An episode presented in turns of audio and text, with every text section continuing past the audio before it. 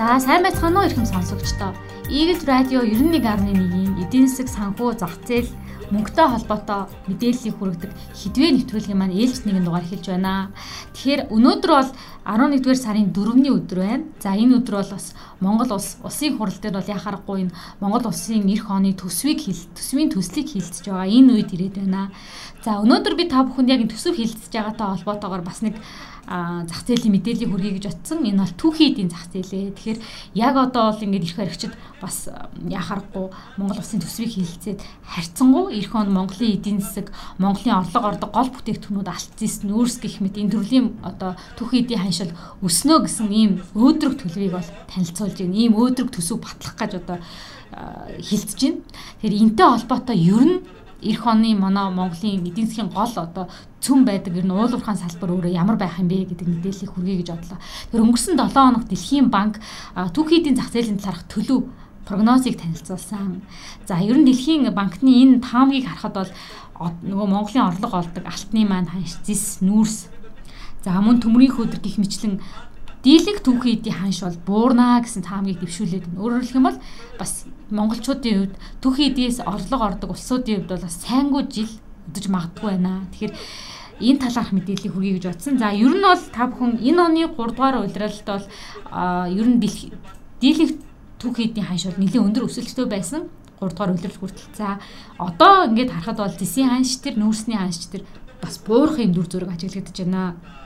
Тэгэхээр дэлхийн эдийн засаг саарах энэ төлөв ажиглагдаж байна. За олон улсын шинжээчид бас хямралын тухай асуудлыг маш их яриад эхэллээ. Тэгээ энэ хямралыг дагаад түүхийн эдийн өөрийнхний эрэлт буурдаг. За эрэлт буурна гэдэг бол зах зээлийн хуулийн дагуу үн буурах энэ хандлагатай байдаг. За он гарснаас хойш гэхэд бол зэсийн ханш нэлээд өндөр өсөлттэй баг энэ он 10 мянган ам долларыг давж исэн зэсийн ханш бол он гарснаас хойш 20 хувиар буураад одоогоор бол 7700 ам долларт хэлбэлцэж байна. За ийм сайнгууд дүр төрхөөдийг танилцуулж байна. За үзэгч та бүхэн харсан байх. Ерөнхийдөө одоо өнөөдөр дэлхийн зах зээл дээр ам доллар гэж маш одоо чухал валют одоо маш өндөр өсөлттэй байгаа. Тэгээ ам долларын ханш өндөр өсөлттэй Америкийн төв банк өөрөө бодлогын хөвгөж чангаруулж ам долларын ханшийг өсгөх энэ прогноз явж байна. За доллар чангарч байна гэдэг бол нэг талаас ер нь дэлхийн гол гол банкуд долларыг дагаад мөнгөний бодлого хумж эхэлж байна. Тэр мөнгөний бодлого хумигдана гэж гэдэг нь юу гэсэн үг юм гэхээр ер нь дэлхийн өөрөө ингээд одоо илүү бодлого хумих татах хатуу бодлого хэрэгжүүлнэ гэсэн үг. Энэ хэрээрээ өөрөөр хэлэх юм бол дэлхийн одоо эдийн засгийн өсөлт өөрөө саарна гэсэн ийм дүр зураг бол байна. Зээл олголтод буурна. Нөгөө эдийн засаг маань илүү идэвхшгэ болоод илүү одоо одоо маш их эрсдлээс одоо зайлс хийсэн ийм бодлого руу чиглэж байна гэж хэлнэ. Тэгэхээр энэ өөрийнх нь энэ дэлхийн мөнгөний бодлогыг дагаад бусад аж үйлдвэрийн салбар эрчим хүч гээд бус бүх салбарууд ингээд хумигдах, саарах, илүү өндөр өсөлт гэхээсээ илүү яаж энэ нөхцөл байдлыг одоо хохирол багтаагаар даван туулах вэ гэдэг энэ хандлага руу ч гэсэн дэлхийн мөнгөний бодлого явж байна. За энэ хэрээрээ таварын зах зээл, түүхийн эдийн зах зээл бол саарж байна. Тэгэхээр э, эдийн засаг өөрөө сэрхийгээ хэрээр нүүрсний эрэлт өсч өсч эхэлдэг. Ягаад тэгэхээр илүү хэрчим хүч хэрэгтэй болох юм бол За мөн одоо эдийн засаг илүү сэргээд идэвхжийн хэрэг шин шин төслүүд бий болдог. Үүнтэй холбоотойгоор зэсийн эрэлт бий болдог. Төмрийн хөдрийн эрэлт бий болдог. Гэтэл нөгөө эдийн засаг маань саарад дэлхий дээр нөгөө инфляц маш их хэмжээгээр нэмэгдээд ингээд хаас айгүй Америкч тэр за мөн одоо Европын орнууд ч тэр ингээд инфляц маш өсөж байгаа учраас тухайн энэ бараа бүтээгдэхүүний үнийн өсөлтийг сааруулахын тулд улс орнууд мөнгөний бодлого хумж байгаа. За энэ хумилтыг дагаад өөрөөр хэлбэл дэлхийн эдийн засаг саарч байна гэж харж болох юм. За энэ нь өөрөө олон улсын зах зээл дэх таварын зах зээлийг үнэт нөлөөлж байна. За нүүрсний үн дэлхийд даяар буурч байна. За хэдийгээр өнөөдөр Европын орнууд эрчим хүчний хямралтай нүүр тулаад байгаа боловч ер нь хандлагаараа нүүрсний үн буурах хандлагатай байна. За Дэлхийн банк бол эрчим хүчний нүүрсийг энэ он гэхэд бол эх энэ оноос эх оны хувьд гэх юм бол ойролцоогоор нэг 25% буурна гэсэн ийм таамгийг бол дэвшүүлээд байна. Ингэснээр эрчим хүчний нүүрсний тонн дутмын үнэ нь бол 240 ам долларт хэлбэлцэн гэсэн ийм таамгийг бол дэвшүүлж байна. Тэгэхээр нүүрс буурах тийм прогноз харагдаж байна. За хаман үнээс гадна алтны үнийг нэрлэж болно. Тэгэхээр алт бол маш их онцгой төрлийн бүтээгдэхүүн гэдэг хэлхэн зүйтэй. Алт бол өөр хүн одоо эрсдлээс хамгаалах ийм гол төрлийн бүтээгдэхүүн байдаг. Гэхдээ хэдийгээр одоо дэлхийн эдийн засагт эрсдэл байгаа боловч нөгөө талд ам долларын ханш өсөж байгаа нь эргээд одоо ам долларын ханштай уруу хамааралтай байдаг алтны ханшид дарам тулж байна. За тийм учраас ч гэсэндээ шинжээчд бол алтан дээр харилцан адилхан байр суурийг илэрхийлж байгаа.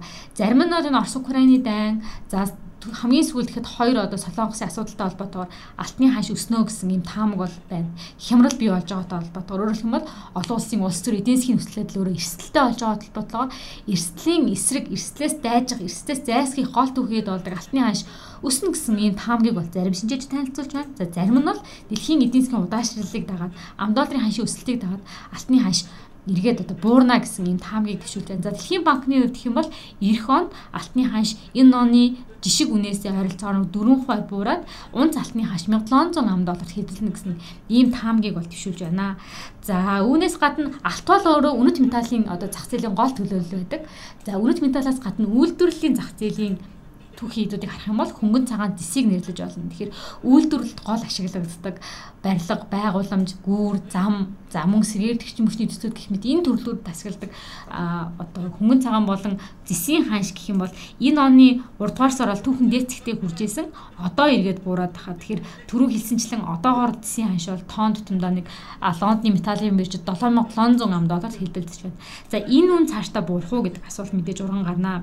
Тэгэхээр зэсийн ханшийг бол олон улсын шинж шинжээчид бол эх он 7300 буюу одоогийн үнээсээ буурна гэсэн ийм прогнозыг дэвшүүлж байна. За энэ үн бол өөрөө энэ оны жишээ үнэтэй харьцуулахад нэг 16% буурсан ийм дүн болж байна. За хөнгөн цагааны ханш хэдийгээр Монгол улсын экспортлдог боловч бас их чухал олон улсад түүхийд тооцогддог. Хөнгөн цагааны ханш бол эх онд энэ оноосоо буураад 11% буураад 2400 ам доллар хэлбэлцэн гэсэн ийм таамгийг бол төвшүүлж байна. Тэгэхээр энэ буурж байгаагийн нэг шалтгаан бол дэлхийд даяар үйлдвэрлэлийн салбар эдийн засгийн идэвхжээс саарч байгаатай холбоотой. За мөн үүнээс гадна үйлдвэрлэлийн салбар ялангуяа энэ хөнгөн цагааны дисийн хамгийн том тоглогч бол хамгийн том эрэлт нь бол хятад улс байдаг. Хятад улс бол дэлхийн зис болон хөнгөн цагааны эрэлтийн 60% бүрдүүлж байдаг ийм том зах зээл. Тэгтэл та бүхэн сүүлийн үед харж байгаа ер нь бол хятадын тик ковид гэдэг бодлоготой холбоотойгоор хятадын эдийн засаг өөрөө саарах хандлагатай байна. За маш өндөр өсөхгүйгээр тогтвортойгоор өснө гэсэн ийм таамгийг дэвшүүлж байна. Тэгэхээр гол хэрэглэгчийн гол нөгөө эрэлтийг тодорхойлдог хятад улсын өөрийнх нь эдийн засаг сайнгүй байгаатай холбоотойгоор эх хонд ч гэсэндээ бас эндээс хөнгөн цагааны эрэлт буурна. За үүнийг дагаад бол яах аргагүй бас үн ханшид нөлөөлнө гэсэн ийм таамгийг бол дэвшүүлээд байна. Дисийн ханш бол ойролцоогоор өмнө одоо энэ оны оргил цэг буюу 3 дугаар сараас 24% буураад байгаа. Хөнгөн цагааны бол энэ оны оргил цэгээс 36% буураад байна. Тэгэхээр ер нь дэлхийн таварын зах зээл дээр яах аргагүй уналт гэдэг зүйл эх хонд болцсохгүй байна. Бид нар бол нөгөө өнгөрсөн жилийн энэ жилийн хувьд ч гэсэн ялгаагүй хэдийгээр бид нар нөгөө хил гайл дээр гацаа өвсөн ч гэсэн олон улсын зах зээл дээр нөгөө үн өндөр байсан учраас бид энэ хэмжээ тоо хэмжээнийхээ бууралтыг бид дандаа үний өсөлтөөр нөхөж ирсэн байдаг.